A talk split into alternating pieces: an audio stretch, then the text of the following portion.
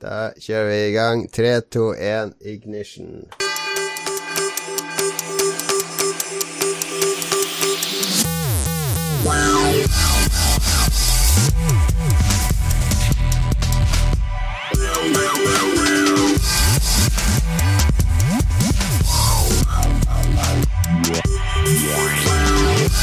Måtte du få en like knallhard sommer som slåsskjempene i Tekken. Vi åpner uh, ukas Lolbua. Sommerferie spesial. Det har det vel vært et par episoder nå, med litt musikk fra Tekken Tag Tournament. Eh, velkommen skal du være, Jon Cato heter jeg. Lolbua er Jeg har, jeg har hørt på litt andre norske podkaster i det siste. Så må jeg si sånn Lolbua er en ukentlig podkast med noen glade nordlendinger, av og til noen sørlendinger, som snakker litt om dataspill og sånne ting. Eh, er du ikke enig, Lars Rikard Olsen? Nei, vi må bare kjøre på. Skal, egentlig skal vi si Vi bør ikke si hvem vi er engang. Vi skal bare kjøre rett på med å skjelle ut noen eller et eller annet. Jeg husker Neil Gaiman en gang eh, ble spurt om noe sånn Eller han sa en gang 'never apologize, never explain'. Det var hans ordtak som forfatter. Du er litt på det kjøret? Ja, jeg har jo lært alt jeg kan av Donald Trump, så jeg tror han lærte fra Neil Gaiman, så der er vi. Der står vi. Tror du Donald Trump vet hvem Neil Gaiman Hva er oddsen for at Donald Trump vet hvem Neil Gaiman er? Jeg tipper han er ungen, han der autistiske ungen hans. Great guy, great author. Really, Sandman, Sandman, really ja. quintessential for my education. Hun der dama hans ser jo trist ut 90% av tida, så hun liker sikkert litt Gaiman osv. Kanskje det. Mats, du er også med oss endelig hjemme fra Nordsjøen. Ja. Det har vært for lenge siden sist. Ja, for den føler jeg at du har vært ganske mye på Nordsjøen i det siste. Jeg trodde dere var sånne som hadde fri hele tida, så var det jobbe et par helger, og så var det fri en måned. Nei, det ble jo, det ble jo ekstratur opp i friperioden min, så da ble det jo nesten tre turer. Men blir det dobbelt så mye penger når du må jobbe når du egentlig skal ha fri? Nei, det blir dessverre ikke så ekstra mye penger. Det blir litt, litt ekstra, men ikke så mye. Så. Litt ekstra. Ikke så mye ja. jeg skulle ønske.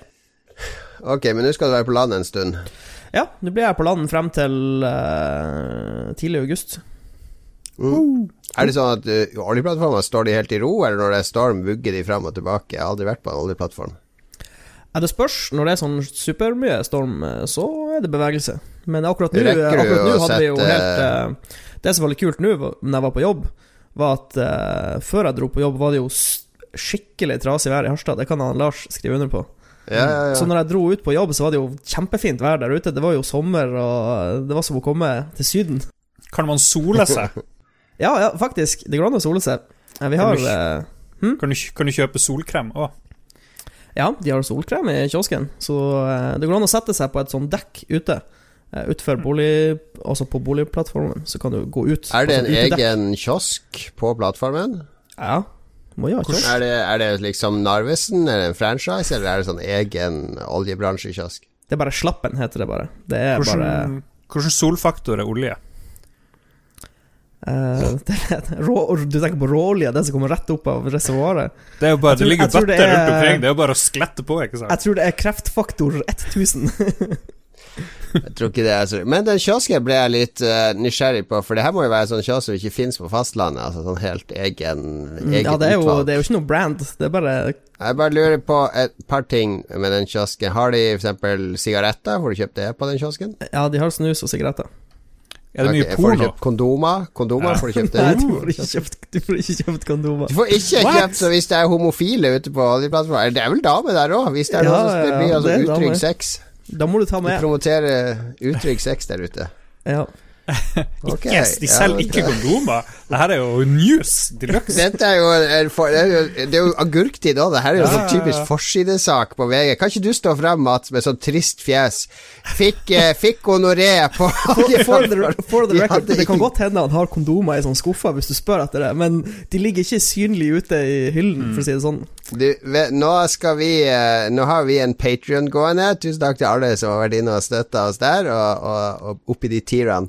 Og vi skal jo sende ut noe fysisk der, så Mats, ditt oppdrag til neste gang du er på oljeplattformen Du skal kjøpe med deg noen kondomer fra oljeplattformen hjem. Offshore-kondomer. Noen offshore-kondomer, det må vi ha, så vi kan de har, sende til lytterne. De har sikkert noen sånn her Duralex som har ligget der siden 1980. Så er god, god og klar. er, det, er det ikke noe Det er ikke noe puling på plattform?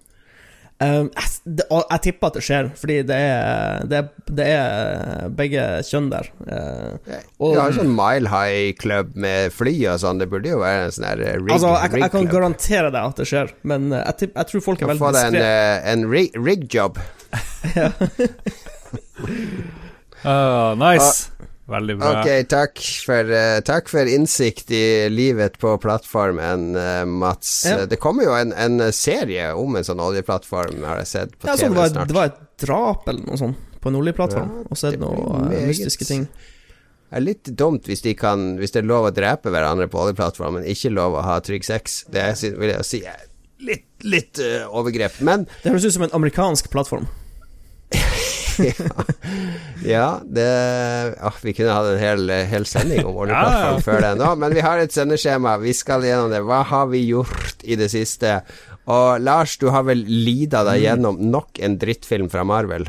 Ja, uh, jeg har vært på kino blant annet med han Mats og sett ja. uh, Antman versus uh, Wasp Woman. Hva den heter det? Antman and the Wasp, tror jeg bare heter.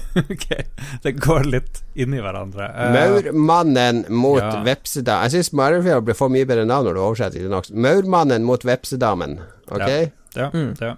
Uh, og det, her der er det heller ingen kondomer, så det spørs uh, om det blir noe Det blir sikkert mye unger. Det blir sikkert Hva er det når du parer i hop en veps og en, eh, en maur? Det lurer jeg på. Hva det blir Uansett. Ja, hva det blir. Uansett. Det er, en helt, det er ikke så mye å si annet enn at den er bra nok, liksom. Antman funker. Mye morsomt. Det er en sånn sidekick. Jeg husker ikke hva han heter. Han Louise. Louise, som er veldig veldig morsom, og som han, jeg lo mye av. Han, ja, han gjør det ja, litt verre. Han sier mye Den, dumme ting, liksom. Og, det, og så er det ja. plutselig eh, eh, Han um, gamlingen, han Michael Douglas, er med. Han er mm. en sånn vitenskapsmann som har funnet opp de her Antman-tingene som han der unge Antman får lov å bruke. Og han går rundt som et litt sånn levende skjelett. Jeg lurer på hvor lenge han holder, han Michael Douglas. Men faren hans er vel enda i live, og er ikke han en del av vår Deadpool? Han Kirk er vel Kirk. 100 år, eller jeg noe sånt. Du han, han Kirk. Jeg tror faktisk jeg har han i Deadpool. Men jeg begynner å tro at sønnen blir å dø før faren. Det Nei, det skjer ikke. Det, ja. det, som var Barnebarnet Charlie Sheen var vel nærmere. Og nei, han er far Det er sønnen til Det er en annen, det. Ja. Det er han Martin Sheen. Jeg blander mm, han Ja, jeg blander, de er fort gjort å blande. Jeg angrer på at jeg skulle liksom nevne at jeg har sett denne filmen, for jeg har ingenting å si om den. altså, den, er, den, er sånn den, er, veldig harmløs, og så er det en sånn uh, litt sånn uh, laidback, uh, useriøs film etter Infinity War. Infinity War er jo litt sånn tung. Og litt sånn ja. wow. wow. Og det, den er veldig sånn ja, ja, ja. Ja. Men den forrige Antman var jo òg ganske løssluppen. Mye ja. mer komedie enn de ja. andre Marvel-filmene. Så Men jeg, jeg, jeg føler at uh, ja. Mats? Jeg, altså, jeg føler at uh, den fornærmer ingen, men samtidig så er den ikke noe sånn her Movie of the Year-kandidat. Det her er sånn Kjersti Bergersen-anmeldelse, hvis dere husker TV2, det er søndagsprogrammet med Kjersti Bergersen. Sånn er det greit nok for de som liker sånn. Terningkast fire. uh, ja. det høres sånn ut. Jeg leste en sak nå i, i, i New Yorker om uh, Hollywood-filmene sin utvikling da Når blockbusterne kom på 70-tallet, med Jaws og video kom på 80-tallet. Da hadde de sinnssykt mye penger. Og Da begynte de agenter med sånne pakkeløsninger med skuespiller, regissør, manus og sånn som driver og pitcha inn til studioene. Hmm. Mens nå i dag så jobber agenter bare med IP-er. Og det handler om altså, intellectual property, og det eneste studiene er interessert i, det er ting som kan bli universer. Mm. Altså Harry Potter, Hunger Games, Marvel, Star Wars, sånne type ting. Det er det eneste studiet er interessert i å bygge, fordi at da bygger du et committed audience som helt Som hjernedøde sauer går de og kjøper billetter For å, det er den nye Marvel-filmen, da må jeg se den. Antman versus Vepsedama. Ja ja, nei, det høres dumt ut, men det er den nye Marvel-filmen, så det må vi gå og se. Så du bygger en, en sånn lojale zombier som kommer inn i, i salen uansett. Men det er jo veldig mye bedre. Det er jo mye bedre enn de her DC-filmene, og de gjør jo akkurat det samme, eller kan gjøre Og så vil, vil, jeg gjerne forsvare Jeg vil gjerne forsvare de her lettspiste kinofilmene, fordi det er snakk om å betale 120 kroner for å se noen timer med underholdning som liksom er akseptabelt. Det er jo ikke snakk om å kjøpe et hus, liksom. Det er jo ikke noe sånn major jo, investment. Jo, jo, men de, denne artikkelen sammenligner jo da med 70-tallet, når når blockbustere var jo filmer som Gudfaren og Jaws og Apokalypse nå. Mm. Det går, gikk jo an å ha kvalitetsåttør-blockbuster-filmer blockbusterfilmer på den tida. Det går ikke nå, for nå skal det være sånne enorme eh, franchiseuniverser som skal kunne selges på alle mulige plan. Det som er rart, er jo Disney, som eier absolutt alt nå i hele verden, ikke bruker de karakterene de bygde sin formue på. Det, vi får aldri den der Mickey Mouse eller Donald-filmen eller Langbeint-tingen. Jeg hadde, jeg hadde syntes Langbeint-film hadde vært en genial idé. Eh, mm. Gjort et eller annet der. Det, det som også var morsomt i den artikkelen, så var det lista de opp, eh, eller så nevnte de hvem gir ut flest filmer i år, da? Tror du det er Disney? Nei. Er det Warner? Nei. Er det Universal? Nei. Netflix gir ut flere filmer i år enn alle de tre til sammen. Så Netflix er nå den største filmprodusenten i USA. Mm -hmm. uh, og de har mye bra filmer òg, de. Så, så, det er, det er, det er sånn, et sånn ja. morsomt paradigmeskifte at kinoene er blitt mer sånn tivoli nå. Med, det er bare sånn tivoli-jalla-filmer som skal selge der, mens, mens ordentlig film, eller seriøs film Seriøse Adam Sandler-filmer, det må du til Netflix for å få. jo, men Adam Sandler var, var, var jo det store pengekua til Sony Pictures på starten av 2000-tallet. De lagde Adam Sandler-filmer for å tjene penger til å lage de andre filmene sine, for de gikk alltid i pluss.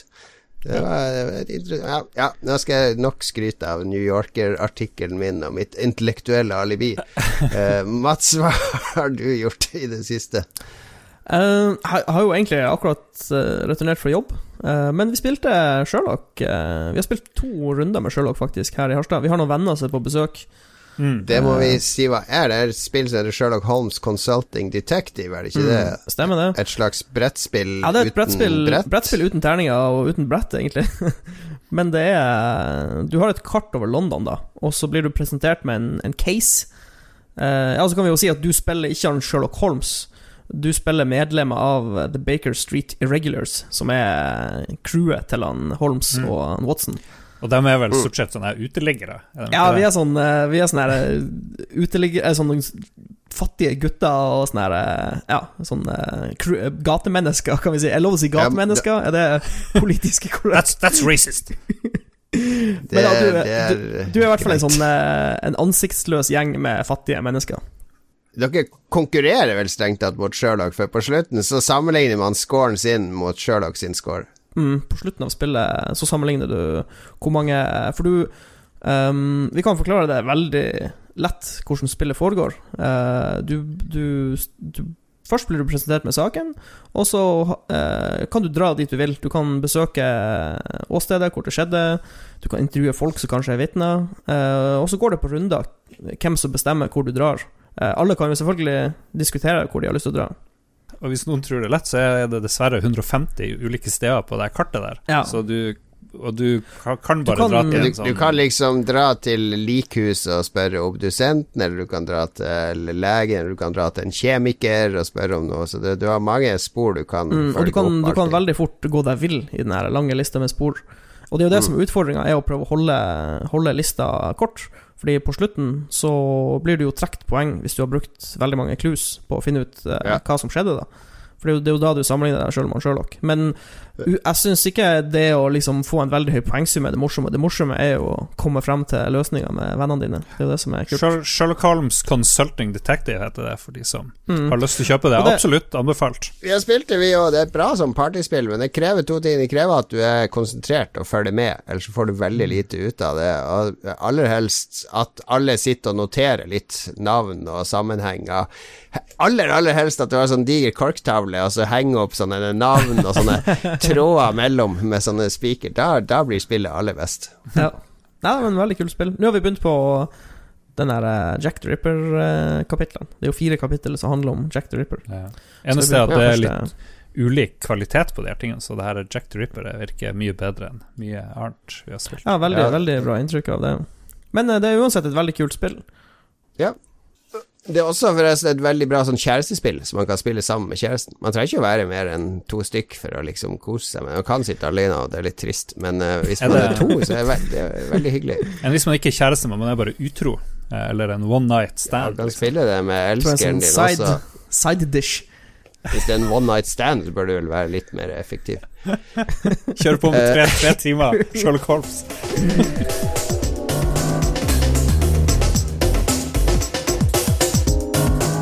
Kenji Eno der med litt musikk fra Dreamcast-spillet D2. Er det noen av dere som har spilt det? Nei. Spilte bare Jo, spilte Destiny i én og to. Det, det er ikke Destiny, Lars. Det var dårlig vits. Det var alt jeg hadde. Jeg tror det, Jeg husker ikke så mye. Jeg husker det var veldig hypa da det kom, fordi det var sånn Resident Evil-konkurrent. Okay. Mye fancy grafikk og sånn fjås. Uh, All right. Hva har vi spilt i det siste? Ikke D2, åpenbart. Uh, Lars, du er på retrokjøret. Uh, hvis spill fra 2014 er retro, så er jeg på retrokjøret. Jeg knuser på med Trials Fusion, som vi vel alle kanskje Oh, yes. liker. Ja, vel. Ja. Jeg kjenner noen som ikke liker Trials Fusion. Det er jo et spill hvor du kjører en sånn herre triksemoped. Hva den heter Mopedet som kommer seg frem Det heter, det heter en Trials-sykkel, faktisk. En Trials-sykkel. Det er ikke en moped heller. Det er ikke en gammel Ja, sånn Det er jo en trå, moped. trådmoped. Det Nei, det en finnes, det finnes en egen klasse med motorsykler som heter Trials, som bare er for å hoppe og eh, ja, sånne ting. Okay. ok. Det er jo en slags sykkel, og den har motor. Forresten, avsporing her. Hva er definisjonen på en moped? Fordi når jeg sykler hjem opp de alle de bakkene hjem, så kommer det sånne folk på sånne elsykler oppover. Jeg tenker at det er, det er jo en elmoped, egentlig, mer enn det er en sykkel. Det har mer Ja. til felles med en moped enn en sykkel. Absolutt. Noen av de syklene der er, vil jeg si, over grensa. Du burde egentlig Ja. ha mopedlappen for å frese rundt på de der. Det de irriterer meg så, så jævlig når det kommer en sånn dame i kjole som bare flagrer opp de bakkene mens jeg holder på å brekke meg av Men hva er eh, aldersgrensen? Jeg tenker at Hvis jeg var tolv år, så bare Yes, hvis jeg fikk en sånn kul BMX-greie med motor Tenk hvor awesome det hadde vært. Mm, jeg vet ikke hva eh, begrensningen på de syklene er. Jeg tror ikke det er noen begrensning, egentlig. Men de, er, de, er veldig, de kutter jo farta når du kommer over 30 km eller 20 Jo, eller noe sånt i timen. Det er jo, det er jo Og da er de drittunge å tråkke. mm, Men det er jo folk som modifiserer de syklene. Så- Ja, så de går altfor fort og Ja. Ja. Det, Uansett, All right, trials. Trials. Trials er jo så kult fordi blant annet um, du har veldig masse små baner, korte baner. Du, de tar kanskje, i starten i hvert fall, et halvt minutt å gjøre ferdig. Og mens du kjører de, så kan du se alle vennene dine sine ghosts, eller i hvert fall tiende dine, rundt omkring. Eh, det vises med en hjelm, tror jeg, en litt sånn gjennomsiktig hjelm, så ser du hele tida hvor flink du er versus eh, dine venner og uvenner. Og det er jo hele magien, egentlig. Eh, og hele tida prøve å slå folk, finne ut hvor de er bedre enn deg, osv., osv. Og så selvfølgelig bli flinkere og flinkere, fordi reglene er de samme hele tida. Du får ikke noen nye skills. Du får kanskje en ny moped, men det går ganske fort. Unnskyld, motorsykkel. og så eh, gjelder det jo bare å være bitter nok og kunne spille hver bane tusen ganger. Og det er helt genialt. Det er sykt magisk. Veldig, veldig bra. Det var en fyr i, eh, i communityet vårt, han Magnus Eide Sandstad, som drev og skrøt over hvor flink han var i Big Jump, Big som er Air. en sånn Big Air, som er en sånn underlegen form for uh, trials-greier, hvor det gjelder å bare hoppe langt i sånne stunt, sånn sånn tulle, tullenivå. Det jeg gjør, og min venn uh, Mats og Kien og folk her oppe, det er å liksom gjøre de ordentlige banene. Og akkurat nå leder jeg på bane eh, én, og jeg er bedre enn Rune Fjell Olsen, og det krever litt, eh, historisk sett. Så der er jeg fornøyd. Ja, men det, som, det som er litt morsomt med Trials, er at når du begynner å spille det i starten, så er det bare å liksom overleve og komme seg til mål som gjelder. Og så har du lyst til å forbedre tida di, og så begynner du å lære deg sånne små teknikker for å liksom eh, Mm. gjøre at du hopper litt raskere og får liksom raskere akselerasjon. Det er sånn metagame som bare åpner seg, men det tar liksom 100 timer før du kommer på det nivået, da. Eller kanskje ikke 100 timer, men 10 timer. Men det, det er kult. Over, overraskende mye dybde i det spillet der. Absolutt. Hvis du tror du kan slå meg, så legg til uh, fisketryne, så skal jeg knuse rekordene dine. Én etter én. På PlayStation 4. Hard talking words, Men Men her er det bra i trial-spillet. For jeg husker det forrige som kom, var jo så mye fjås med sånne ting som skjedde i landskapet. Eller er det er det, det fjåsspillet? Det er fremdeles en del fjås, men uh, de vanlige brettene i starten er i hvert fall ganske sånn basic.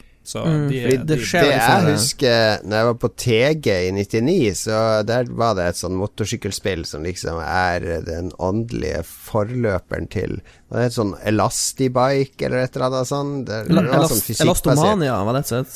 Ja, det var, noe, det, var, det var veldig kult. Det er liksom Mm. forløperen til de jeg sa trial-spillene. Men eh, jeg gleder meg til det nye trial-spillet. Ja, Elastomania var veldig sånn her eh, bare, liksom, Det gikk ikke så mye på tid, det var bare å klare banen, på en måte, for den var så Ja. utrolig vanskelig. For du måtte liksom Du måtte hekte forhjulet på sånne bjelker og, Ja, og ja, reise forbi, og det var helt sånn galskap. Men det var utrolig kult. Det spilte vi mye i Absolutt. Harstad, i rundt 99-2000. Jeg har spilt driver, driver alle og leser chatten her? Er det Ja, fordi det er ikke Ja, det er Harstad på webkamera. Hvor er det der? Det der? Jeg skulle ønske det var Harstad. Det er jo Santa Monica Beach. Oh! Los Angeles, baby! Los Oh. Angeles.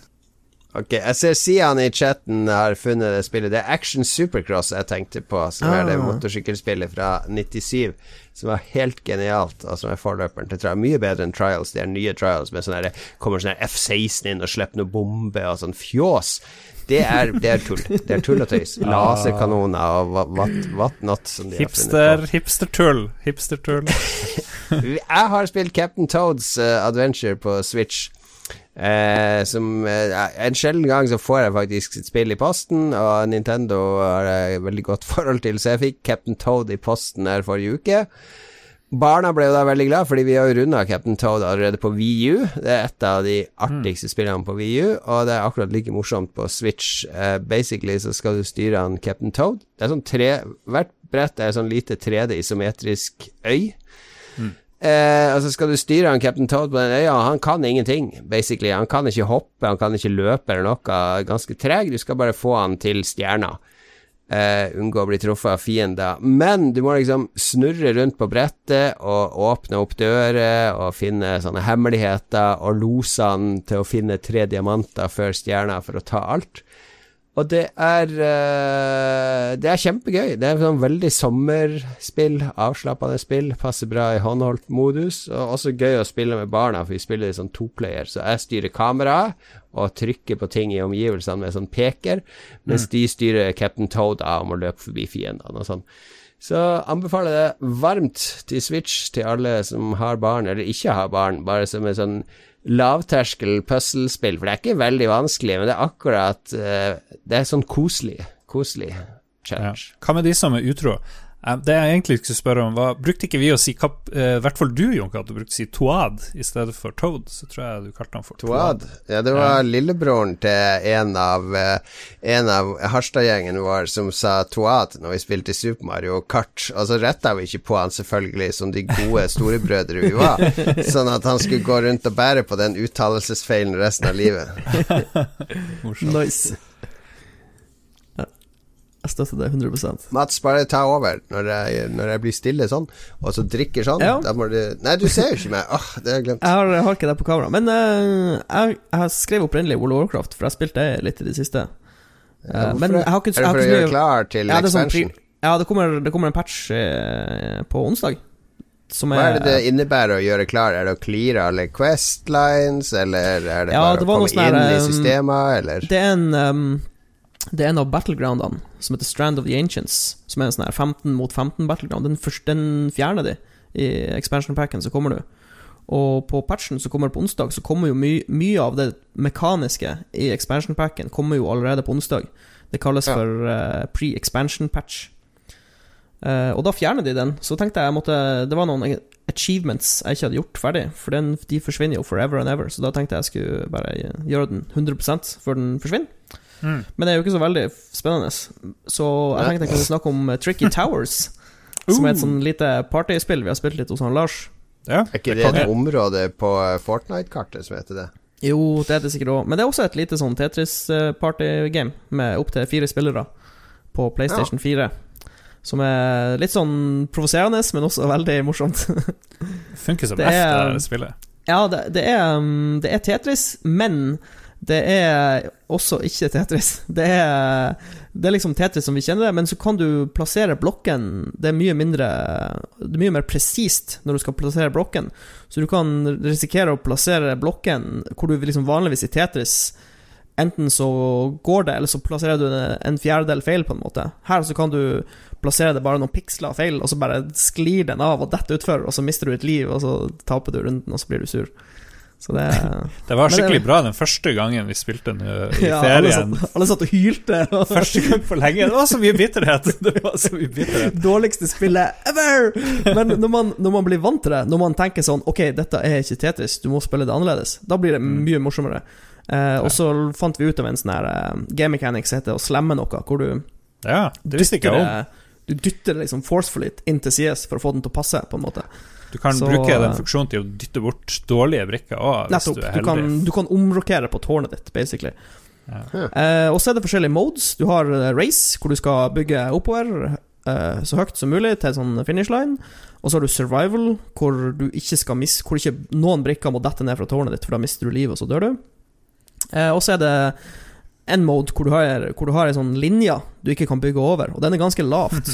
så skal du prøve å bygge ut til siden og bare få så mange brikker som mulig under den linja, da. Eh, det er overraskende, kult. Nei, overraskende kult spill. Eh, veldig bra hvis du er fire foran en For det, det, det, som er bra, er at det er jo split screen, så du kan sitte fire personer og spille på én PlayStation. Mm. hva heter det igjen, sa du? Tetris uh... Tricky Towers. Tricky Towers. Right, oh, right. Yeah. Det kommer jo Det er vel rett rundt hjørnet. Det skal komme i høst i hvert fall. Tetris Effect, som jeg gleder meg veldig til. For det er jo Tetsuya Mitsuguchi, mannen bak eh, Lumines og Rez og Sega Rally i sin tid. Det første. ja. eh, som lager det. Og i det spillet Du vet, i Tetris så kan man jo ta ut fire linjer på en gang. Det er jo det som kalles en Tetris. Mens i Tetris Effect så har du en sånn freeze-funksjon så du kan stekke opp flere sånne firere på rad. Og mm. det meste du kan ta, er da 16 linjer på en gang. Og det kalles en deka hexatris. eh, men det, det, ser ut som veldig trippy sånn syrespill, og det er også for PlayStation VR, så det spørs om jeg ikke må tørke støvet av VR-headsetet her, bare for å få en, den ultimate Tetris-syreopplevelsen. Alright, men inntil da, Tricky Towers og uh, Captain Toads Adventure og Trials Fusion er det du kan spille hvis du vil uh, her, Hvis du har sett den filmen Single White Female, uh, og at du føler at vi i Lolbua er den single white female, så du da skal etterligne mest mulig, så må du spille de tre spillene for liksom komme i den sinnsstemninga vi har vært i i den siste tida. Da Dag Thomas blir litt motorsykkelmusikk fra Super Hang-On på Sega.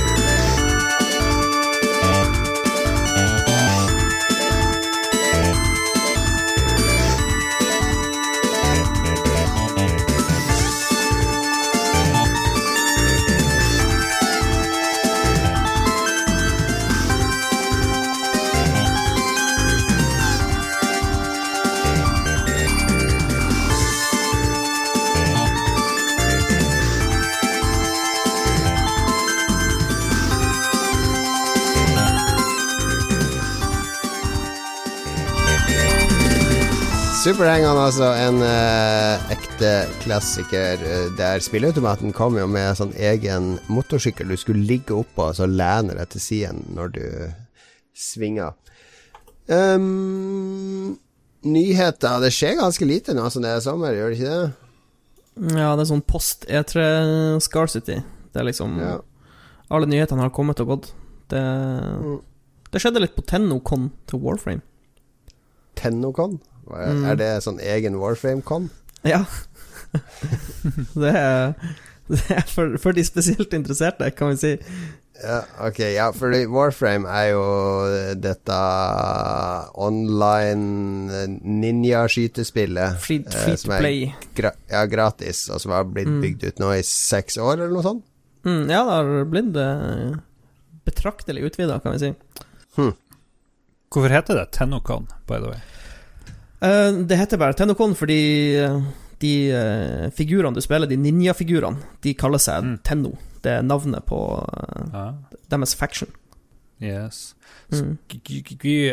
Warframe kommer til Switch, har noen skrevet her. Ja, det var Så. en av nyhetene. det kommer en Switch-versjon. Det finnes jo på PlayStation og Xbox, men nå kommer det også på den, den minste. og så annonserte de Eh, det var vel to store ting. Eh, det ene som er Fortuna, som er den store, nye åpne verden. Eh, nå så har du jo sånn, et sånn open world-område som er på jorda. Mm. og det nye open world-området blir på Venus. og da blir det også introdusert en ny, en ny faction. så ja, det ser veldig kult ut. Jeg har jo ikke spilt så mye Warframe i det siste, men når de oppdateringene her kommer, så kommer jeg garantert til å plukke ja. det opp igjen. Uh, og så viste de litt en sånn teaser av uh, no, Jeg tror det heter Railjack, eller noe sånt, som er kombinering av at du styrer skip Altså ship mot ship combat, med sånn boring og, og noe som heter Arkwing. Arkwing finnes jo allerede. Det er bare en sånn du tar, deg, du tar, vinger på drakten din, og så flyr du ut i verdensrommet, basically. Men nå skal de da introdusere ja. skip. At du liksom har flere spillere i samme skip. At én styrer skipet, og én styrer våpensystemene, og én styrer Prøver å springe rundt og slukke branner. De sa de var veldig inspirert av FTL når de lagde den moden, så det kan jo bli morsomt. Mm. Så bra. Ok. Mm. All right. Der, uh, det var uh, da ukas Warframe-nytt. Er det noe annet enn Warframe å snakke om? Jeg syns vi må nevne denne her eh, filmen som kom i dag. Vi tar opp på mandag. Eh, og Da kom det en kortfilm som han Nathan Fillion visstnok eh, har vært med og Ja, det er han der med. han Cade Six i Destiny, er det det? mm. ja, han Castle og han Firefly-karen og Pizzagjengen var han vel òg med i. Husker jeg. Er det han som er den samme, samme figuren i alt han er med i, basically? I større eller mindre grad, ja. ja. Og så spiller han jo en Nevnte du Castle, Lars? Nevnte Castle. Ja. ja. Tenk, tenk, at han kasta bort åtte år eller noe sånt på den litt halvdarrige serien Castle. Men ja, uansett, han har, han har tatt en sånn Ryan Reynolds, fordi Ryan Reynolds fikk aldri lagd Deadpool, som han digga veldig. Nevnte du, nevnte, nevnte du Firefly? Dude, må du høre etter? Han har nevnt alt der. Jesus lord. han, han, Nathan Fillion har tatt en Ryan Reynolds som lagde et eller annet med Deadpool og fikk vist det frem, lekka det, og så måtte de bare lage det, for det var veldig kult. Mm. Om det samme vil funke nå, det vet vi ikke, men han har i hvert fall sluppet en 15-minutters-aktig 10-minutters film hvor han og han Sully og hun Elena og de her kjente, mest kjente figurene uh, har en, et minieventyr. De driver og bryter seg inn i eh, nede i Sør-Amerika et eller annet sted og skal hente en eller annen skatt og finne noe med noe kart og noe greier. Og Nathan Fillion er seg sjøl, som jo egentlig er han eh, Nathan Drake, så det passer jo veldig bra. Og han ligner jo faktisk òg ganske mye på sånn som figuren ser ut i Uncharted. Så jeg syns det er en bra, bra fit, det der. Har dere mm. fått sett eh, videoen? Uh, nei. Jesus lord, jeg sendte link for 1000 år siden. Jeg har vært utendørs, Lars. Ja, ok, du Jeg, jeg, jeg klikker ikke på linker, jeg vet aldri. Nei, men er, jeg, jeg, bryr meg jo Jeg hater jo Uncharted, og det siste i verden jeg kunne tenke meg å se, er en film basert på en Jeg har sett Indiana Jones, ellers takk. Det, hva skal en Uncharted-film gi meg, liksom? Jeg vet ikke. Kan jo bli bra. Vi ser jo mye annet uh, vas. Heldigvis så leser lytterne våre. Jeg ser ikke mye annet, jeg ser bare kvalitet, Lars. Jeg ser ikke en masse fjås og vas og filmer fra 80-tallet på nytt. Uh, du ser jo mye drit, du òg. Bare innrøm det. Du, du, var med meg og så Avengers, en av de her store superheltfilmene du egentlig sier du hater. Så. Ja, ja, ja. Det var en uh, terningkast tre. Altså, det var en sånn film det, så Mange av de her filmene har jo null uh, Det er samme med Last Jedi, som jo jeg, jeg gikk fra å være å, kjempekul Star Wars-film til når jeg skulle prøve å se den på nytt. Bare herregud, for noe drit! Fordi det er sånne filmer så du kan se én gang, og så er de brukt opp. De har, det er ja, ja. ingenting mer å, å, å, å, like i de filmene, liksom. Ok, Det var ikke meningen at du skulle rante i ti minutter om uh, moderne film. Jeg har ikke ranta. Jeg har i hvert fall fulgt med på hva du sier, i, i motsetning til Mats. Det har du rett i. Pluss to poeng på det. Nevnte vi Firefly? ok, vi har heldigvis lyttere som følger med, mer med enn det dere gjør, uh, så vi har fått noen kommentarer fra, fra dem, uh, kjappe. Jeg syns Tor Sverre Lund har en bra, bra, bra, poeng. Noen måneder til med trening, så blir det eksepsjonelt, fordi det er tydelig han har liksom ikke gjort pushups i tre år før han uh, spilte inn der. Og så sier han at uh, Nathan Fillion har spilt samme rollen siden 2012, 2002. Så mm. det, det Jo, men han er, han er langt før han eh, Drake, det kan vi vel trygt si. Så noen som sier Old Drake, det er han Kristoffer Gettoboys Hansen Leistad, og så fyrer han Raymond Caspersen seg. 'Hvorfor er han for gammel?' Tar det veldig seriøst. Er jo bare 47, Liam Neeson er 20 år eldre og kicker ass. Og la meg ikke begynne å rante om Liam Neeson, da, men uh, du har et poeng, uh, du òg. Sånn var det. Sånn var det. Se den der filmen. Yes, dette er sånn en bra podkast. Jeg sitter og leser opp fra en Facebook-vegg. og så sa han Robert! Og så sa han Tore! Og så skrev han Petter! Og så skrev han Tore! Ok, Yogato, ok. Ja, ja, ja. Høy temperatur. Det er, det er, varmt i Oslo, så det er derfor jeg blir irritabel. Du vet, Jens Bjørnboe skrev jo om det her uh, i, i, sør, uh, i Syden, i sørlige Europa, når varmen setter inn og siderfylla kommer sigende, så går også drapstallene opp. Folk blir mer irritable. That's racist, that's racist. Men jeg tror folk savner at du fyrer deg litt. Du og Magnus drev og krangla vilt, og det, du får liksom ikke utløp for den der greia der, da, egentlig. Uh, ja, ja, meg og Magnus er Vi er en evig krangel. Det er jo vår definisjon på vårt forhold, så uh, ja. Kan vi, ok, forslag. Kan vi slippe mer musikk uh, nå, og så bare hopper vi rett på neste spalte? Det, Skal vi gjøre det? Ja, det har ikke gått lang nok tid. Har du noe veldig bra, da?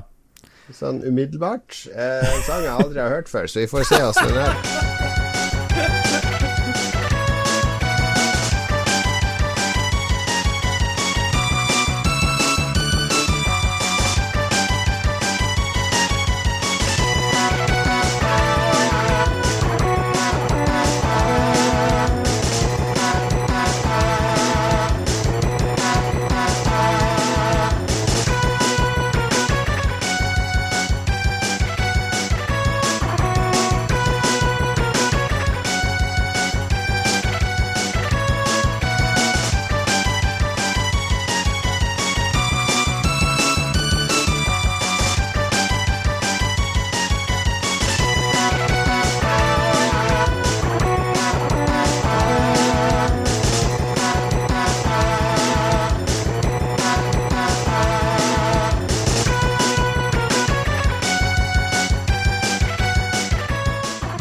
En sang som heter Storm Eagle fra Jeg vet bare det, jeg vet ikke hvilket spill den kommer fra, dessverre. Hvis det er noen lyttere som kjente den igjen, så kom gjerne med den infoen til oss så vi har oversikt. Vi skal til anbefalingsspalten. Nå skal det bli utelukkende positivt og hyggelig her i eh, Lolbua, for da skal vi bare snakke om ting som vi ønsker at dere skal bruke tida deres på. Den verdifulle tida vi alle har fått tildelt fra Vår Herre her på jorda. Eh, noen få år eh, før vi skal ned i graven, bli ormemat. Lars, hva er det du mener at vi skal bruke tida på før vi dør? Um, husker dere hva 2016 ble veldig kjent for etter hvert? Uh, jeg kan svare retorisk. det var jo alle de kjendisene som døde. Og i det siste så de folkene jeg har studert litt nærmere, det er veldig mange som har dødd i 2016, blant annet han Gene Wilder, som er en av mine absolutte favorittskuespillere. Uh, folk har kanskje sett han i en del Mel Brooks-filmer. Uh, The Producers og den Mm. der uh, Young Frankenstein, blant annet. Veldig, veldig bra. For de, som er, for de som er under 25, så kjenner de han vel bare fra det der meme-bildet der han sitter med hånda i fjeset og en sånn flosshatt, og så står det sånn Oh really? Tell me more about this. Ja, ja. Og det er fra Willy er Wonka og Sjokoladefabrikken, kanskje. Ja, nettopp. Ja, så spilte han med vel, Han spilte fire filmer med Richard Pryor, eh, som jeg husker så litt av da jeg var, var ung. Um, han døde i 2016, da, er litt av poenget. Uh, og jeg kom over han tilfeldig da jeg drev og skulle kjøpe meg lydbøker på den her forferdelige Audible-appen som jeg glemmer å kansellere hele tida. Og greia i den her Audible-greia at du får én credit i måneden eller et eller annet sånt eh, for pengene du gir Amazon, som eier det hele, og så da kan du laste ned en eh, hvilken som helst bok du vil. Og jeg har havna på litt sånn biografikjøret, da. Den første boka jeg kjøpte, var han uh, Kisen som spilte hovedrollen i Princess Bride, hvis noen husker hvem han var. Han uh, Carrie Elves, het han vel? Eller noe sånt. Carrie, Carrie Elves, ja. Han var jo også i den Robin Hood-parodifilmen Men in Tights, spilte han hovedrollen. Ja, Ja, kanskje ikke like bra, men uh, den er fantastisk. den fantastisk. Men, men han er veldig flink å lese, og jeg har liksom kun gått etter lydbøker hvor folk er flinke å lese. Og jeg hadde hørt et uh, lydintervju ja, Jeg vet ikke om det heter det. Et intervju på radio. et Lydintervju. Et intervju på radio blir som regel med lyd. Ellers Ja, er det det ganske kjedelig intervju. Det kan være med fingertegnspråk. Fingerspråk. Nå roter jeg meg bort. Det, jeg var i et intervju på radioprogrammet Fresh Air på NPR med ei dame som heter Terry Gross, som òg er veldig behagelig å høre på. Men når hun snakker med Gene Wilder, herregud, det bare smelter inn i ørene som eh, Jeg vet ikke hva som bør smelte inn i ørene, sikkert veldig lite, men det var akkurat den beste tingen som kan smelte inn i øret ditt. og han er jo nummer én veldig veldig omtenksom og liksom forsiktig i filmene ofte, og det er han på ordentlig òg, da. Um, og jeg vet ikke hva det er med stemmen, men han kan jo synge, og han kan danse, og han kan prate, og han kan skuespille og gjøre alt mulig. Han var liksom den gamle skolen av, av eh, ting. Han kunne regissere og skrev mye av filmene han var med i og sånn. Veldig fascinerende. Hadde et tøft liv, mye sånne rare sykdommer. Han gifta seg med og der Gilda Radner, som var med i Saturday Night Live, og er en av de store, liksom, første profilerte kvinnelige komikerne eh, i USA på, på TV en stund. Eh, hun døde selvfølgelig med en gang etter at de var gift. Og han døde selvfølgelig av Alzheimer. Og Ok, liksom Hva er det du anbefaler? Er, er det livet hans, eller hva, hva er greia her? Jeg anbefaler uh, først og fremst det her intervjuet uh, på Fresh Air. Én time. Eh, du bare googler Fresh Air Gene Wilder, så får du et intervju. Og etter det kanskje du får lyst å kjøpe boka hans 'Kiss Me Like a Stranger'.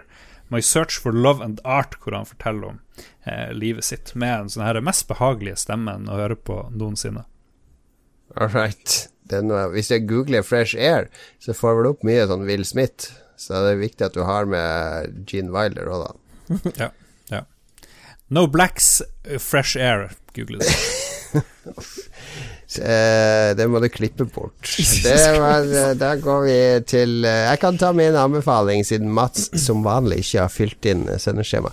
Eh, fordi jeg vet ikke om han har noe å anbefale. Men nå har du tid å tenke mens jeg kommer med min anbefaling. Fordi en av de tingene jeg gjorde da jeg var gresk enkemann, så, så, så snubla jeg over en serie på Eller jeg fikk jeg leste sånn anbefalt det beste som kom i 2017 av ditt og datt innen dokumentar og horror og sånne ting. Og så var det noen som nevnte den Wormwood, som er en sånn dokumentarserie eh, som ligger på Netflix. Ok? Eh, og den er eh, Det er sånn seks episoder, tror jeg. Men den handler om eh, mm, Hva skal jeg si Det, handl, det handler om eh, en familie i USA på 50-tallet der faren til, til han det handler om, jobba for myndighetene eh, med chemical warfare og biological warfare og sånn. Og så i 1952 så hoppa han Enten hoppa han, eller så falt han ut av et vindu på et hotell i New York i 13. etasje og døde. Det var det familien fikk beskjed om. Han hadde hoppa eller falt ut av det vinduet. da Ja. Og det var bare sånn What the fuck? Hva, hvorfor skal han gjøre det? Det var ikke noe galt med han, og, og så videre og så videre. Og så kommer det jo frem at han jobba med Det her var når de begynte å teste sånn eh, LSD og sånne ting, da. Sannhetsserum og andre ting, så han hadde fått i seg en del ting før det her, da, og så blir liksom CIA sin forklaring i 75 når de familiene drev og pressa og pressa, så får de sånn møte med CIA-sjefen og sånn, at ja, han hadde vært med på disse eksperimentene, var nok, han var nok i LSD-rus når han gjorde det. Men så er jeg liksom fortsatt ikke fornøyd med forklaringen, for det er masse sånne papirer som du ikke får se på, alt mulig sånn eh, superhemmelige ting.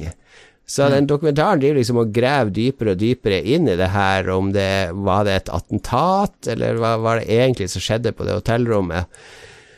Og den liker jeg For det første er den ganske Den er veldig tregt fortalt, da. Den går veldig, veldig i dybden. Det er masse, masse intervjuer med han duden og andre som var involvert. Eh, og så er det de intervjuene Det er det mest velproduserte sånn type dokumentarer jeg har sett. Du har den der Evil Genius og alt mulig sånn, som er bra mm. laga, men de, her, de bruker sånn tolv kamera i hvert intervju. Så når han sitter og snakker, så får du se Det er sånn kamera omtrent under bordet og oppå han. Det er sånn kamera utafor vinduet og inn. Ja, det er helt, det er helt sinnssykt bra produksjonsverdi i den serien. Tolv kamera? Det høres ut som sløsing. Men du, får, du, må bare se det for å tro det, for det er helt, det er helt sykt fine kameraføringer på den. Mm. Altså, i tillegg så har de jo eh, filmatisert eh, hele den greia. Uh, jeg, altså mitt navn er Jon Cato. Jeg vil ikke se noe som er filmet med mindre enn tolv kamera fra nå av. Nei, men de har filmatisert alt som skjedde i fortiden. Så de har fått han, han Peter eh, Sarsgaard spiller jo han faren på 50-tallet. Det er masse kjente skuespillere med. Og når de snakker om disse tingene, så får du se hva som skjedde der på den tida. Og det er det er sånn spillefilmkvalitet på de klippene og de scenene. De går liksom frem og tilbake litt i tid, og, og så de, kommer det ny informasjon, og så får du se de scenene på nytt med den nye informasjonen. Uh, og alt er tidsriktig, og det, og det er jo laga av han der uh, Hva heter han? Errol Morris, tror jeg han heter. Uh, som, det var samme fyren som lagde den der um, Fog of War, den dokumentaren ah. med han McNamara. McNamara. Ja, ja, veldig bra. Ja, så, Errol så Flynn, er, tror jeg han het.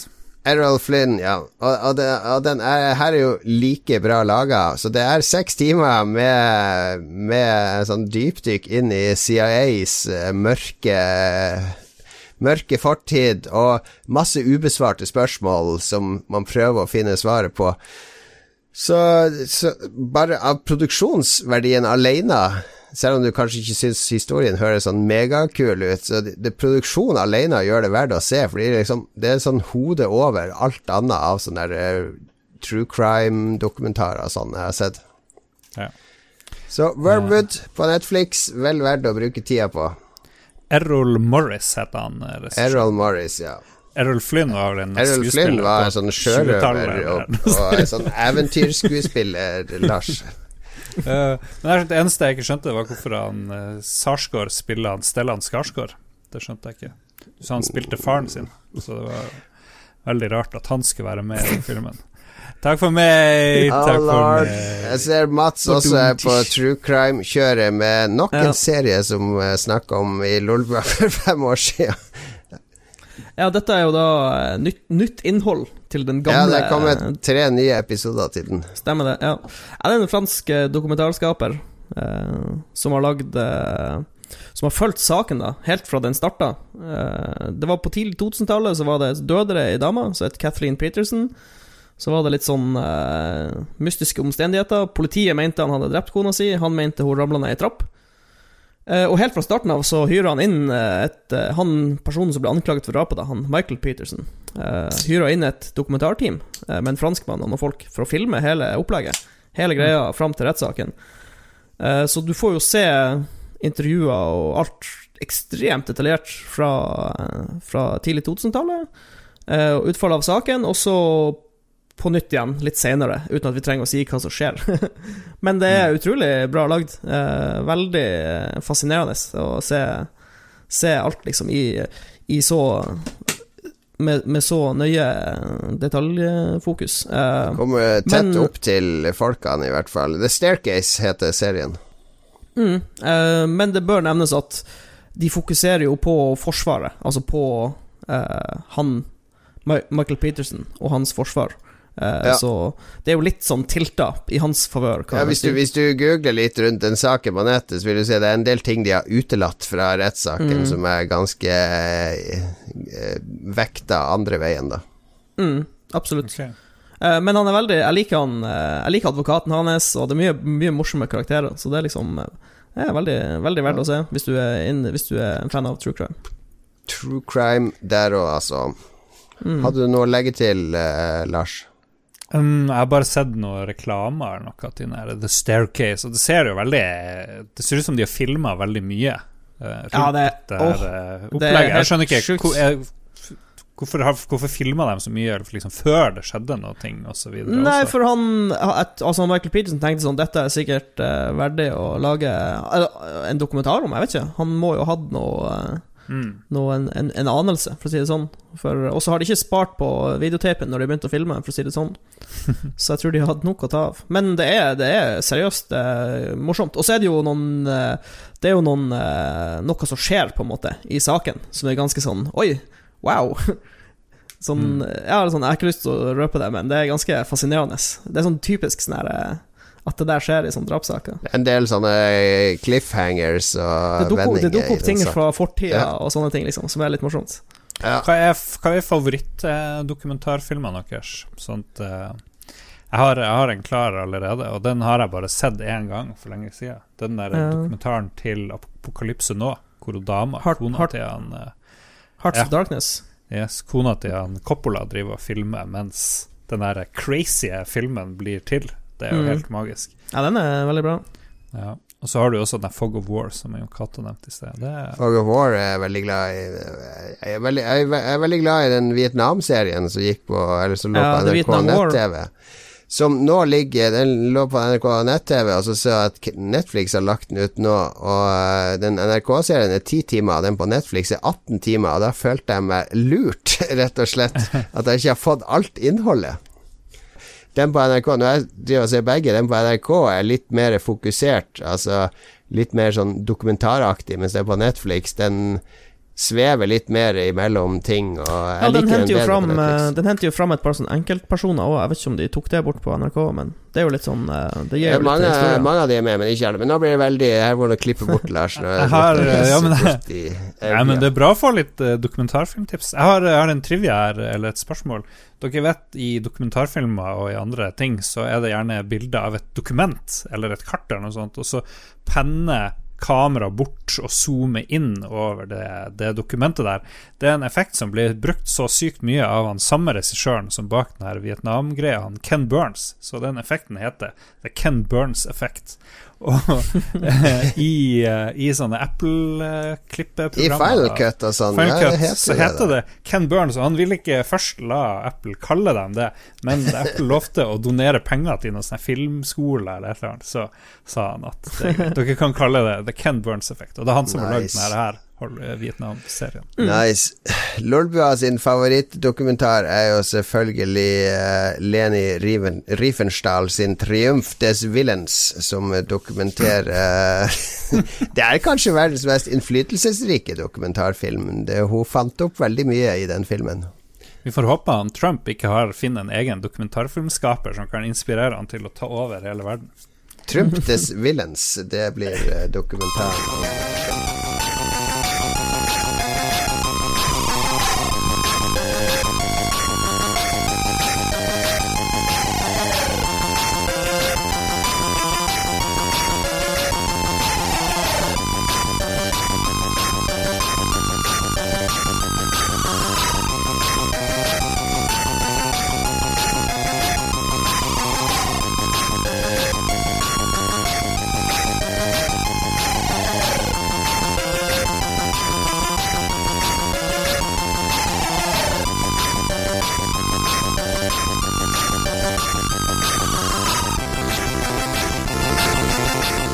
One Man Is Droid, en uh, Rob Hubbard-klassiker det der fra et spill som er inspirert av Philip K. Dick sin roman Do Androids Dream of Electric Sheep. For her var det en elektrisk En robothund som skulle gjete robotsauer i det spillet. Så lærte du noe nytt i dag, og Lolbua en utømmelig kilde til kunnskap om ting du ikke trenger å vite noe om. Stemmer det. Stemmer det. Lytterspalten, er vi der? Ja, det er også en Ja. utømmelig kilde av uh, artige du innslag. eh. Du skulle til å si noe stygt om lytterne igjen. Nei, jeg er veldig typisk, glad i lytterne våre. Kjempeglad i lytterne våre. Veldig bra. Veldig bra. Um, vi har litt uh, hummer og kanari i lytterspalten i dag. Alt vil gi mening etter hvert. Vi begynner med han Bjarås, som lurer på om det er aktuelt med noe trollolol-comeback-innslag, eh, kanskje for Patrions. Ja, right. Bjarås er vel han vi møtte på det tacostedet i Oslo den gangen, eh, Lars. Stemmer det? Han som har sendt deg LP-plate og greier. Anal Bros. Alle må lytte til Anal Bros. Eh, det er jo altså, Kan du si Brevvennspalten er jo uh, trollolol i skriftlig form. Hvis du er brevvenn-patron, så får du mail fra meg hver uke der jeg skriver ting som jeg er opptatt av eller har på hjertet eller husker eller eh, er sint på eller glad for. Så det er Jeg var aldri Jeg likte aldri Altså, jeg likte å lage lo- Trollolspalten, men jeg likte ikke å drive og ta meg opp på video og sånn. Jeg har aldri sett de Trollolspaltene på Level Up. Jeg bare så gjennom videoen når jeg lagde den, at det ikke var noe feil, og så sendte jeg den inn, og så var det glemt, fordi jeg, jeg syns det er Jeg liker bedre å skrive, da. Så hvis du er brevvenn-patron, så får du det, det blir ikke akkurat du er ikke du sånn, Lars og Mats, at hvis du leser ting fra folk du kjenner Hvis jeg husker Eller noen sånn folk jeg kjenner, de leser i deres stemme. For eksempel hvis Asbjørn Slettemark har skrevet en anmeldelse av en bok eller en serie, så leser jeg den anmeldelsen med den der uh, Husnes-dialekta fra Sunnhordland i, i, i hodet mitt. ja, jo da, du har et poeng. Så bare les de brevvennbrevene med min stemme i hodet, så blir det akkurat som trollolol. Og så bare Ja. se for deg en slank, kjekk mann som sitter foran deg, muskuløs i bar overkropp, og peker på deg mens han sier de tingene. Hvis dere filmer dere sjøl mens dere leser opp, så kan vi dele det på uh, våre kanaler. Så kan du være Jon Cato. Uh, dette er en ny patron-nivå du er inne på nå. Han Martyrik Eller Martiric er det vel, eh, fordi jeg har lært at IC-slutten er jo Alle Kroatia-spillere slutter jo på IC, og da er det itch. Mm. Martiric. Akera ble 30 år i dag. En av de aller beste anime-filmene som er der ute. Har alle i bua sett den, og hva synes dere om den? Magisk soundtrack, magisk film. Sinnssykt bra anime. Veldig enig. Ja, den er fin. Etter du har sett den og Ghost in the Shell og litt eh, Ghibli, så trenger du ikke se så veldig mye mer anime, spør du meg. Var det Akira som fikk deg til å studere japansk, eh, Ja. Lars? Jo, fordi jeg var i England på noen tur med familien, og så kom jeg over Akira bok 1. Kjøpte den, og så kom, fikk jeg i gave resten, og da var det liksom Anime det det og manga var jeg sykt fan av. Og siden jeg var litt ung, så fikk jeg jo all mulig sånn drit, sånn her Urutsuki Urotsuki Doji og sånn tentakelporno alt, alt jeg kom over, det kjøpte jeg, og så jo at det meste var piss. Det meste var bæsj. Så Men heldigvis har man jo funnet de bra tingene. Men eh, som vi sa for ikke så lenge siden, jeg og du, Mats, vi følger ikke så mye med lenger, så det kan godt hende det er ting som Bortsett fra One Punch Man. Ja, One Punch Man er bra. Men Akira Ja, det lages, nice. lages fortsatt mye bra, men Akira og Ghost in Shell har vel en sånn spesiell plass. Oppe, Ja. høyt, høyt oppe i filmuniverset.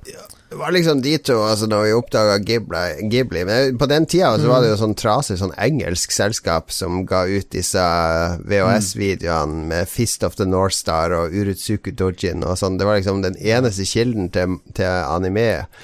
Og da vi bare Å, skulle ønske vi hadde mer, skulle ønske vi fikk mer, skulle ønske det var mer som kom. Og nå er jeg jo mer sånn herre Ta og ro ned. Det, er- dere lager jo altfor mye. Herregud, det er jo ikke hva, hva skal vi med alt det her rælet dere lager? Ta nå heller og, og fokusere på litt kvalitet. Ja, stemmer det. Mats Kobrakar84 sier at eh, BioWares sitt kotor fyller 15 i dag. Hva er kotor? Eh, Knights of the Old Republic fyller 15 år i dag. Dette spillet fikk meg interessert i andre BioWare-spill, som mitt favoritt-franchise Mass Effect, med unntak av Andromeda, som han ikke har spilt gjennom ennå, og Baldur's Gate. Og eh, så lurer han på om eh, vi har noen positive opplevelser av noen spill fra BioWare. Før vi svarer på det, så kan vi jo bare si at det her eh, spørsmålet fra Kobrakar det sendte jeg ut videre til folk både Mm. discorden vår og Facebooken. Så vi skal liksom, i tillegg til å fortelle litt om vårt eget forhold til BioWare, så kan vi høre hva lytterne Ja. syns. Nei, jeg spilte gjennom Nights of the Old Republic når det var nytt. For uh, ca. 15 år siden, kanskje. Mm. Stor, storkoste meg. Det var jo uh, Det var vel det første Star Wars-spillet hvor du gikk uh, flere tusen år tilbake i tid og spilte Ja, det tre, eh, 3000 år eller noe sånt, når Mm. Jedian liksom Jediene er på sitt, prominent. høyeste. Mm. Nei, det, var, det ble jo nesten som et nytt Star Wars-univers. Så det var litt Det var veldig kult. Og så var det jo et skikkelig bra RPG, med class abilities og levels og eh, turn-based Turn-based-ish combat. Ja, det hadde mye bra systemer, egentlig. Men det er veldig befriende med Star Wars i den epoken, fordi de har ikke all den ballasten til Luke Skywalker og Darth Vader og alt det tullet Mm. som de må Kan lage egne må, karakterer. De må jo gå på tærne rundt alt Star Wars som lages rundt den epoken Nettopp. med Luke Skywalker. Det blir som en sånn. slags eh, reboot. Eller en Mm. reset-knapp hvor du slipper å tenke på det. Ja. Så det er mye, mye bra som har kommet derfra. Eh, Ja. Og de har jo lagd jo det der eh, svære eh, MMO-et rundt uh, Kotor også. Det funka egentlig ganske bra, det, bortsett fra at det begynte å bli litt sånn trøtt Trøtt sjanger når du ikke fornyer det ja. så mye. Men det var Jeg spilte det en del, det var bra, det. Mitt favoritt-BioWare-spill er jo selvfølgelig Sonic Chronicles The Dark Brotherhood, som var når BioWare fikk lov å lage et Sonic-spill på Gameboy. Oi, ja. Eller morsomt. DS. Ja, det, det, det finnes faktisk. Det er en slags Sonic RPG. Det er, ja, det er ikke så veldig bra. Ja, det, hvor bra kan det bli når du har med det der forbanna blå pinnsvinet som enkelte folk eh, sverger til? Men eh, eh, artig eksperiment. Mass Effect 1 har en ganske spesiell plass i hjertet mitt. Eh, for det om det ikke er det me mekaniske beste Mass Effect-spillet, så er det det som introduserte universet. Og jeg husker Drev jeg spilte ikke, det drev ikke Elon Musk og tvitra om Mass Effect her om dagen? Sikkert. Han er vel litt opptatt med å få guttene tilbake i hula, så han kan redde dem. Jeg så det var en eh, kickstarter-kampanje. Ja, nå skrev jeg her Mass Effect 2 is one of the best games ever. Also love Saints Row 4. Det er en tweet fra Elon Musk. Jeg elsker han Elon Musk. Nei, men eh, det, um, det som er litt spesielt med Mass Effect 1, er at eh, jeg spilte det på Xbox 360. For det kom, det kom på Xbox før det kom på P PC, tror jeg. Mener jeg å huske. Ja, Ja. sikkert. Ja, så eh, jeg gikk vel mer eller mindre gjennom det på Xbox, og så kom det på PC, og så gikk jeg gjennom det der òg. Ja. Så det- Jeg synes Mass Effect 1 var jo mer sånn uh, rollespill Ja, med at når du skjøt og sikta på hodet til noen, så var det ikke sikkert du traff, fordi han drev og kalkulerte hvor flink, hvor mye skill du hadde og sånt. I Mm. hvert fall var det mitt inntrykk. Uh, mulig jeg var veldig dårlig å skyte, men det var sånn. Og så måtte du var det veldig rare mekanikker med at det var mye mer strengt hvordan ammo du hadde. Du måtte plukke opp ulike Ja, og så var det så mange våpen. Du kunne jo finne 30 Ja. utgaver av samme våpen. Så det var, Ja, det var, mye det har mye sine knot i menyen, men det var veldig drømmende. Det var mye mer sånn synt-soundtrack, mye roligere soundtrack og Mm. sånne ting. Ja, og så var det, så- var det en, Det var én superklar fiende. Det var ikke noe sånn eh, at de blander sammen fiendene og sånn. Det var en sånn megaskummel fiende som lå Lå i bakgrunnen og bare var ekkel og trasig. Hva er din favoritt Mass Effect, Jon Cato? Bortsett fra fire, selvfølgelig. Andro Andromeda. Eh, nei, jeg liker de mobilspillene i Mass Effect-serien. Nei, jeg likte det første best. Jeg var ikke så glad i, i det andre, for jeg syns det ble for mye Det ble sånn cover-based shooter-aktig i stedet for det rollespillet som jeg likte. Jeg hadde jo Jeg hadde sånn halvtimes én-til-én med han Casey Hudson før, eh, før Mass Effect 2 kom. Det var han som var director på det. Så jeg skjønte jo mye av valgene han tok, men samtidig Jeg likte Jeg, jeg vet ikke. Jeg spilte eneren og toeren to ganger hver, tror jeg. Bare for å branche forskjellige retninger. Treeren orka jeg aldri å gjøre ferdig. For det føltes jo bare som Nå skal vi nøste opp alle trådene fra de to forrige spillene, så det var kun en sånn sjekkliste med Nå skal vi cleare alt, og så var det sånn skuffende slutt. Er det jeg har hørt. Min, eh, min favoritt var jo tre. Eh, best grafikk. Eh, Multiplayer-delen. Sykt bra multiplayer, ja, og Ja. veldig slick combat. Og du slapp det der Mako-kjøringa på den planeten som du gjorde i toa. Var det vel. Men Mm. jeg syns BioWare er jo et veldig fascinerende selskap. Det er som om det er eh, Telltale Games, er det de som lager de her walking simulator-greiene, som om de plutselig skulle lage Doom. Det var jo det som skjedde, at de gikk fra å lage én type spill til å bare mestre en helt annen type spill, og samtidig være teknisk veldig, veldig flink eh, i det. De hadde jo laga MDK2 for eksempel før det her, så det var jo de var ikke helt fremmed med actionspill. Det var det ikke. Ja. ja, men det var vel en progresjon, kanskje. Men jeg, Ja. jeg frykter jo at uh, BioWare vil forsvinne nå etter uh, Anthem. At noen har fucka opp det der selskapet så brutalt hardt. De er jo ikke det samme De er de jo ikke Ja, de er jo ikke det selskapet de en gang var. Jeg vet ikke om Edmonton-avdelinga finnes lenger. Det var det som var hovedkvarteret før. Bytte ut alle plankene på skipet, det er ikke samme skip lenger. Det er sånn, det er sånn Tenk deg om, om t noen år så kan det være at det sitter tre helt andre dudes her og snakke om spill og Ja. sånn. Ver verken meg eller Lars eller Mats. Er det da fortsatt Lolbua? Det er han Er det det? Dag Thomas og han Ståle og en til. Dag Thomas, Ståle og Christian sitter her og fjåser, mens vi er, vi er for lengst pensjonert oss med alle millionene fra Patrion. Det, det er ingen som er uerstattelig, folkens. Så jeg tror vi alle er Jeg, jeg, er jo, jeg er jo egentlig det første leddet i å bytte ut alle plankene på skipet. Vi har noen lyttere som har kommet med innspill til BioWare her. Martiric likte veldig godt Mass Effect 1 og 2 og Dragon 8 Or Origins, eh, hans favoritter. Og Baldur's Gate-serien på fjerdeplass. Ja, Kian Krogstad likte Kotor 2 og Neverwinter Nights 2, men så sier han at det var jo Obsidian, så da liker han kanskje heller det selskapet. Raymond Eikås Karlsbergsen syns at Adromeda er et bra spill, men det førte ingenting nytt med seg. Verken ny rase eller story, på tross av at man er i en helt annen galakse. Og det er kanskje et bedre spill for nykommere til Mass Effect-serien enn for oss som spilte hovedtrilogien. Ja, Christian jeg, jeg, Ja. jeg, jeg har lyst til å spille Jeg har lyst til å prøve å spille gjennom Androm- Andromeda bare sånn på kødd, men Eller for å ha gjort det, men Beklager. Freudian slip. jeg kommer aldri til å gjøre det, tydeligvis. Men eh, eh, jeg husker jo det var så mye teknisk feil, og det har de jo patcha, så da er det jo mindre Mm. morsomt å spille det nå. For du kunne jo sitte og le i en halv dag av de her rare øynene som bare lyste opp, og så så du Og der dama som plutselig får noen problemer med foreldrene, så begynner hun å glise sånn her. Det, var, det gikk jo ikke an å spille et sånt spill, men de har jo forandra på det. Christian Figenschou uh, Mass Effect 1 til 3 var konge, men så dreit de på draget med Andromeda. Er det i bunn og grunn takket være EA? Spørsmålstegn. Spekulasjon. Men for BioWare sin del håper jeg Anthem leverer. Personlig ble jeg bare mindre hyped av etere-showcasen. Ser ut som en Destiny-klone. Gleder meg til Dragon Age 4 som en unge. Driver du og lager Dragon Age 4? Er det confirmed? Nei, jeg er ikke som jeg vet. Nei. Kommer vel.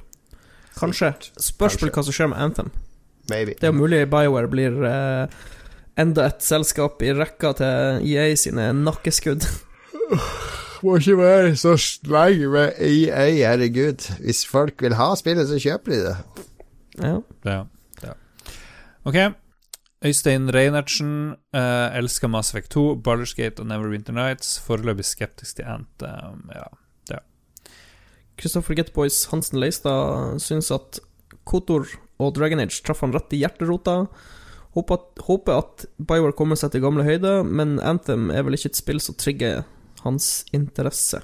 Anthem blir jo verdens største flopp hvis eh, Lolbua-lytterne skal være testpublikum. jo, men jeg tror, jeg tror det var mange Jeg tror det var sånn Ja. konsensus etter E3 at det var sånn her ja, Anthem ser ikke helt super awesome ut.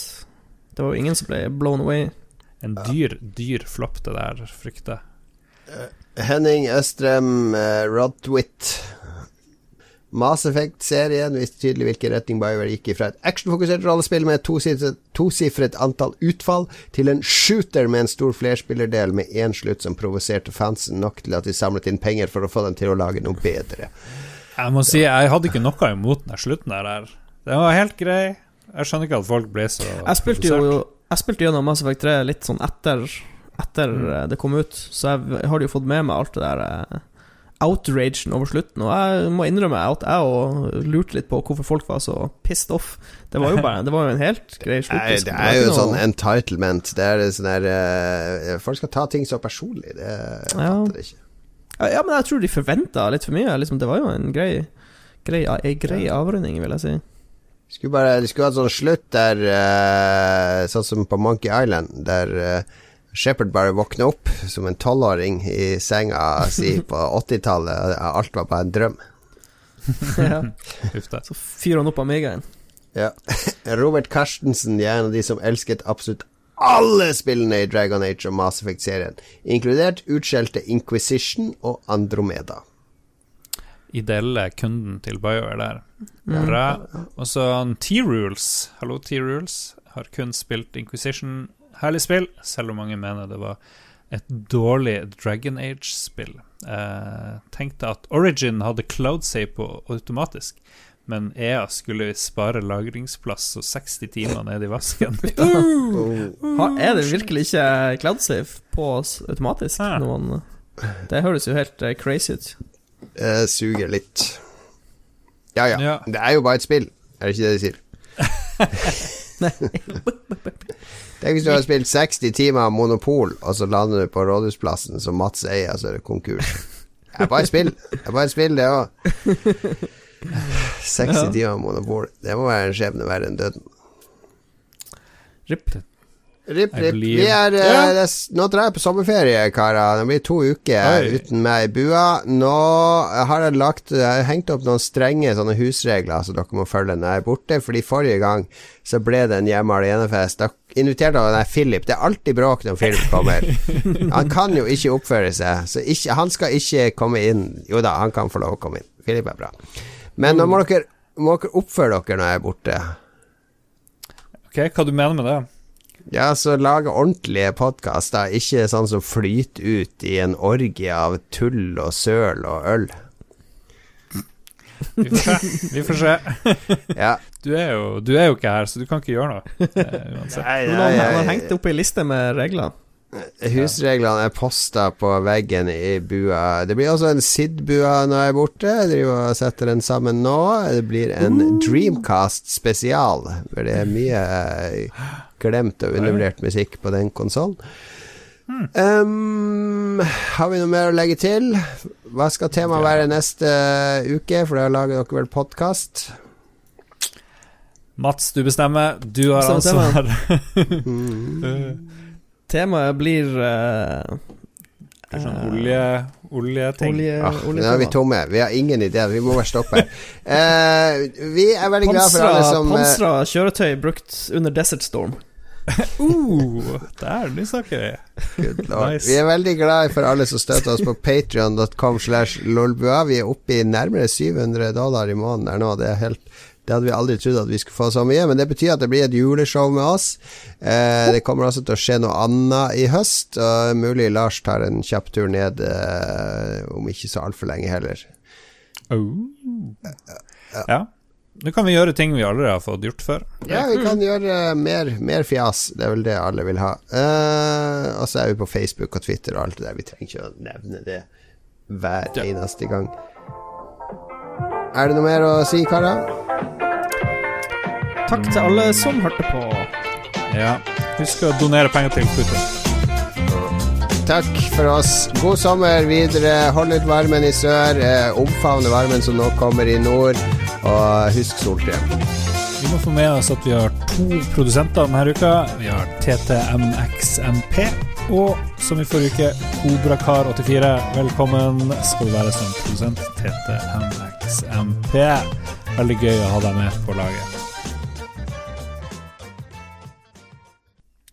Sendinga er slutt, men jeg legger ved et bitte lite utdrag av et intervju med Gene Wilder, det jeg nevnte tidligere i podkasten, hvor han snakker med Terry Gross fra Fresh Air på kanalen NPR. Today we remember Gene Wilder and listen back to the interview we recorded in 2005. Wilder died yesterday of complications related to Alzheimer's. He was 83. Gene Wilder made his movie debut in Bonnie and Clyde, starred in the Mel Brooks films The Producers, Young Frankenstein, and Blazing Saddles, played opposite Richard Pryor in Silver Streak and Stir Crazy, and portrayed the candy maker in Willy Wonka and the Chocolate Factory. When we spoke, he'd just written a memoir called Kiss Me Like a Stranger. The title was suggested by his late wife, Gilda Radner, three weeks before she died in 1989. Let's start with one of Wilder's classic scenes from the producers. Zero Mostel plays an over the hill producer. Wilder is his new and timid accountant, Leo Bloom. While going through the books, Bloom realizes that with some creative accounting, it would be possible to make more money with a flop than a hit. Let's assume, just for the moment, that you are a dishonest man. Assume away. It's very easy. You simply raise more money than you really need. What do you mean? Well, you did it yourself, only you did it on a very small scale. What did I do? You raised $2,000 more than you needed to produce your last play. So what? What did it get me? I'm wearing a cardboard bill. Well, that's where you made your mistake. You didn't go all the way. You see, if you were really a bold criminal, you could have raised a million. But the play cost me only $60,000 to produce. And how long did it run? One night. Do you see? Do you see what I'm trying to tell you? You could have raised a million dollars, put on a $60,000 flop, and kept the rest. But what if the play was a hit? Well, then you'd go to jail. See, once the play's a hit, you have to pay off all the backers. And with so many backers, there could never be enough profits to go around. Get it? Uh-huh. Uh-huh. Uh-huh. So in order for this scheme to work, we'd have to find a surefire flop. What scheme? Gene Wilder, welcome to Fresh Air. Thank you, Terry. Now, you met Mel Brooks through Anne Bancroft when you were in a production of Mother Courage together. How did Mel Brooks first tell you about the producers? Well, first of all, I was miscast in that production um, by Jerome Robbins, but it was with, with Anne Bancroft, whose boyfriend at the time was Mel Brooks. And um, that made my, I can't say my day, it made my life in a way. I met Mel backstage in Anne's dressing room. He was wearing one of those pea coats, pea jackets that were made famous by the merchant marines, and I admired it, and he said, "You know, they used to call this a urine jacket, but it didn't sell."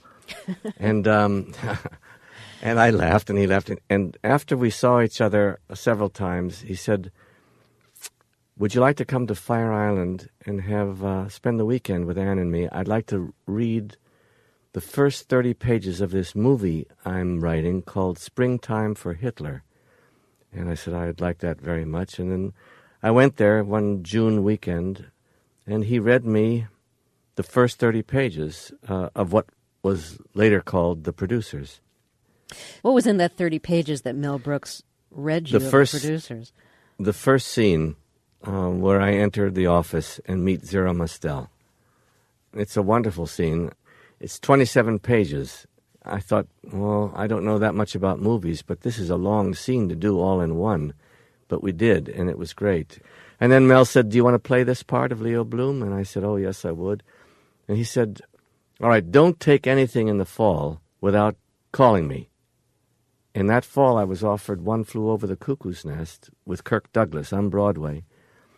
And I felt a little silly, but I called Mel and I said, You said I should call. Yeah, yeah, yeah. Can you get a two week out in your contract? He said. I said, Mel, I'm not a star. They're not going to give me two weeks' notice out. Uh, I can get, I can ask for a four week out. He said, All right, we'll have to live with it. Three years went by. I never heard from him. Mm.